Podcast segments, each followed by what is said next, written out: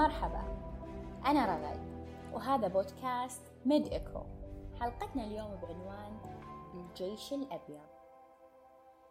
أكثر شيء يحمس الطلبة ويهون عليهم ساعات الدراسة الطويلة هي لحظة الوقوف في حفل التخرج لإلقاء القسم. بس صح شنو القصة الخفية من وراء هذا الولاء والقسم اللي يبقى معاهم من لحظة أقسم إلى لحظة آخر نفس؟ في السابق كان تخصص الطب محصور فقط عند العائلات الغنية. كانت شروط دخول التخصص أخلاقية بطريقة ما. مثلا أن يكون الشخص رحيما عفيفا محبا وأن ينفع الآخرين. أدري تمنيتوا أن تكون هذه الشروط في وقتنا الحالي هي اللي تدخلك كلية الطب. ما علينا. جاء بقراط وصنع نقطة تحول. فتح المجال للجميع لدخول التخصص. سواء غني أو فقير من عائلة معروفة أو غير معروفة. وأنشأ أول مدرسة طبية. كان يؤمن بأن تخصص الطب تخصص إنساني وهذا الهدف اللي لازم كل طبيب يحطه أمام عينيه ويكرره كل يوم. تخيل ليل بلا نجوم ونهار بلا شمس. كان واجب أبقراط أن يخلد ويورث هذا المفهوم فجمع في كلمات كتبها كوصية لطلاب مدرسته وتوارثت وتوارثت للآن. الإنسانية هي كجذور الشجرة تغذي الطبيب بالقوة التي يحتاجها هذا الإنسان لمساعدة إنسان آخر. عندما يأتي شخص معه ضيق أو تعب أو ألم قد امتد لليال وسرق النوم من عينيه أحسسه بضعف أمام ربه سبحانه فيدعو ربه ويذهب بثقة للشخصية الوحيدة الموقن أنها بعد فضله سبحانه ستريح تعبه وتزيل ألمه. هذه الشخصية متقلبة فأحيانا تتقمص دور الأخ وأحيانا دور الأم والأب والأخت والصديق.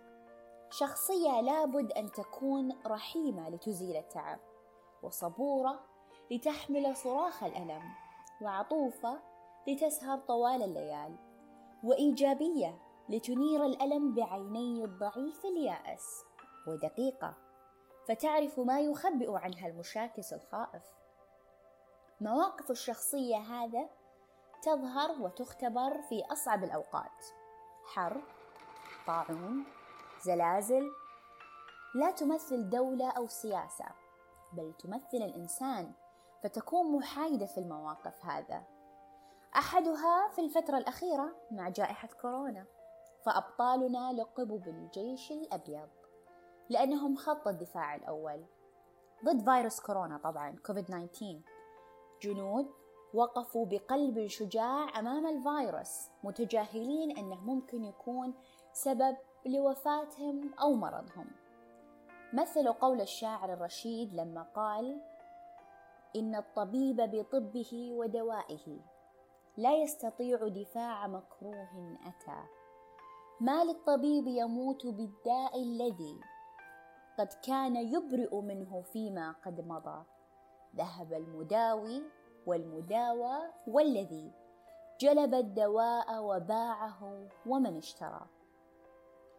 بالرغم من أنهم علموا بذلك ورأوه أمام أعينهم إلا أنهم وقفوا أمام كل شيء كان مجهول في بدايته. فقط عشان يكونون سبب في أن شخص ما يعرفونه ولا تربط فيهم أي علاقة يعيش ويرجع لاهله سالم. جنود امتنعوا من رؤية أعز ناسهم أمهاتهم أطفالهم زوجاتهم وأزواجهم من أجل المساعدة في الحد من انتشار هذا المرض. تحملوا رؤية الوفيات كل يوم من حولهم تحملوا رؤية المريض ينادي بالعلاج الغير موجود قبل أن تنقطع أنفاسه واستمروا فهل في أوفى من كذا؟ ولأن لكل بطل خارق رداء مميز بطلنا يميزه رداءه الأبيض لكن ليه الأطباء يلبسون من الأساس بالطو أبيض؟ هل كانت الألوان محدودة عشان يختارون الأبيض بالذات؟ نشوف في المستشفى ملاءات السرير أغطية الرأس كل شيء باللون الأبيض من بين كل الألوان. للإجابة على هذا التساؤل نحتاج نرجع للقرن التاسع عشر. رسم الرسام المشهور توماس إيكنز لوحتين للأطباء. واحدة من اللوح رسم فيها أطباء لابسين بالطو أسود في عيادة ما. أما لوحته الثانية كانوا الأطباء لابسين فيها بالطو أبيض في عيادة مختلفة. فرق في الزمن بين اللوحتين كان مرة كبير. فيا ترى وش اللي صار خلال الفترة الزمنية اللي فصلت بين هالرسمتين؟ خلتهم يغيرون لون لبسهم. من المثير أن في بادئ الأمر واللي دفعنا للتعجب أن الأطباء كانوا يلبسون بالطو أسود واحدة من أهم الأسباب أنهم كانوا يعملون في تشريح الجثث. فمن باب الاحترام للموتى اختاروا الأسود. لكن كانت في فترة فيها نسبة الوفيات عالية واللي كانت بسبب مرض الكوليرا اللي اجتاح دول العالم في هذيك الحقبة من الزمن. نتيجة لهذا العدد الكبير من الوفيات والإصابات فكرت بعض المستشفيات بأنهم بحاجة لكسب ثقة المرضى والناس عامة فوضعوا مفارش بيضاء على الأسرة. والممرضات اعتمدوا لبس القبعات البيضاء على رؤوسهم والأطباء ارتدوا رداءهم الأبيض واللي يدل على الشفاء ويمثل الأمل. وبكذا صار الوجه الجديد للطب. هذه قصتنا لولادة رداء الطبيب. وبعد ذلك أثبتت الدراسات أنه يوجد رابط بين ارتداء الطبيب الزي الرسمي اللي هو البلطو الأبيض وشعور المرضى بالرضا والثقة. اللون الأبيض يؤثر إيجابيا على الحالة النفسية لدى المرضى. يمنح الأطباء قدرة أكبر على التركيز والتعامل مع الحالات المرضية ويوحي لهم بالهدوء. لأن شيء مهم تم تنصيب ما يسمى بحفل البالطو الأبيض white coat ceremony وهو يعتبر كنوع من الطقوس الطبية لكل كوادر الصحة. وما نسوا الطلبة فاعتمدت بعض الجامعات إقامته سنويا. صراحة نطمح قريبا أنه يقام في جميع الجامعات حول العالم. وعشان لا نحتفل باللبس وننسى اللابس فاليوم 30 مارش هو اليوم العالمي للطبيب. المرة الأولى اللي تم فيها الاحتفال بيوم الطبيب في الولايات المتحدة في القرن التاسع عشر. طرحتها إيودورا اللي كانت متزوجة من الدكتور تشارلز في هالتاريخ كان في عدد من اللحظات المهمة الثانية في المسار التاريخي للطب مثال أول مخدر تم استخدامه في الجراحة كان في نفس هذا اليوم 30 من مارش. وفي الختام نقدم الشكر والامتنان للأطباء من حول العالم فهم خط الدفاع الأول في التصدي لكل عائق. ولا يوجد أحد على وجه الأرض يستطيع إنكار دور الطبيب المهم في المجتمع.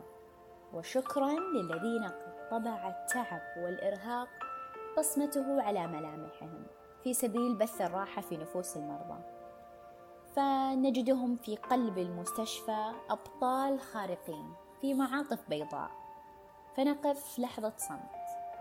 وندعي للأطباء والممارسين الصحيين الشجعان الذين فقدناهم بسبب جائحة كورونا كوفيد 19 بالرحمة جنات الفردوس الأعلى وأن يكون علمهم وعملهم النبيل شفاعة لهم. اسمحوا لي اليوم أن أوجه الحديث إلى أبطال الصحة في المستشفيات والمراكز الصحية إلى من يعملون بجهد ليل نهار.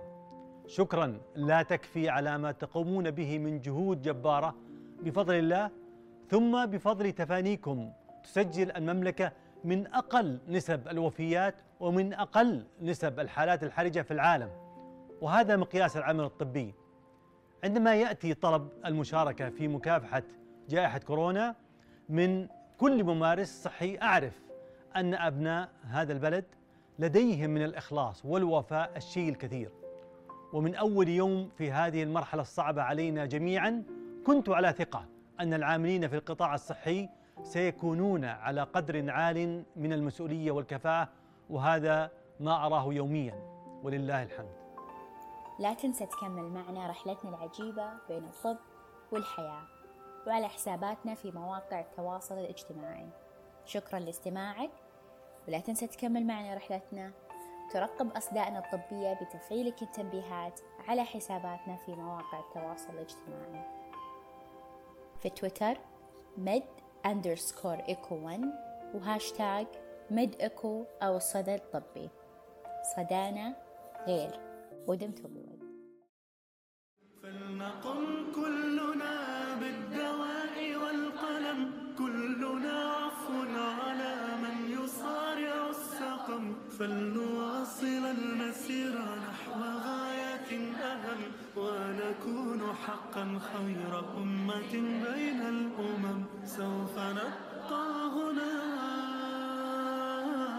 كي يزول الألم. سوف نحيا هنا سوف يحلو النغم.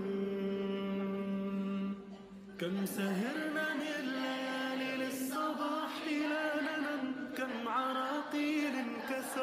كم حفظنا من رزم كم جسور قد عبرنا كم ذرفنا من حمم. نبتغي صيد المعالي نبتغي رأس الهرم. نقضي ساعات طوال نستقي علم العجم. نستهين كل غالي كي نحقق الحلم. إنسى إننا لا نبالي فلنسير للأمل.